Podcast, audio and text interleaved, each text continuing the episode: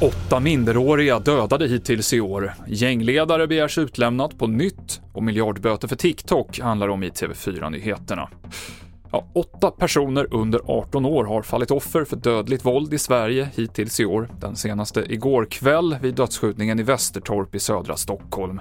Det är lika många som under hela förra året, visar TV4-nyheternas sammanställning av statistik från polisen och Brottsförebyggande rådet. Vi är chockade över att det är att vi har gått ner så lågt i åldrarna. Inte bara tidigare vi sett att det har varit unga som har varit i kretsen och kanske begått mindre brott men att begå den här typen av grova brott och också vara brotts, alltså bli skjutna till döds är ju väldigt skrämmande.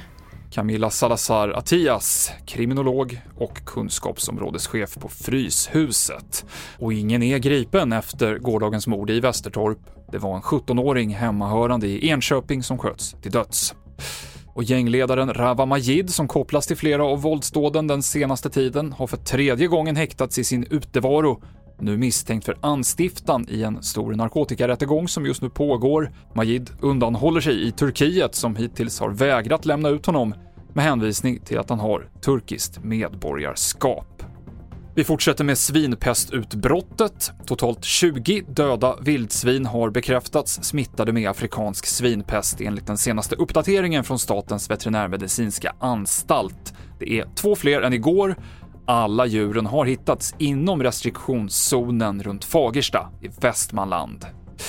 Vi avslutar med att berätta att TikTok får motsvarande 4 miljarder kronor i böter av EU för att ha brutit mot personuppgiftslagen GDPR.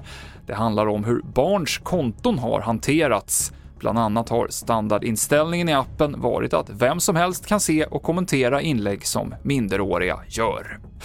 Fler nyheter finns på tv4.se och jag heter Mikael Klintevall.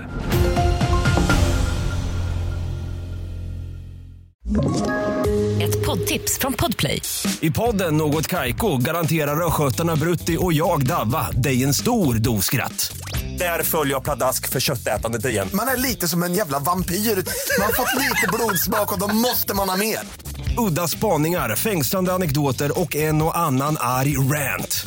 Jag måste ha mitt kaffe på morgonen för annars är jag ingen trevlig människa. Då är du ingen trevlig människa, punkt. Något Kaiko, hör du på Podplay. Därför arkadeinerna.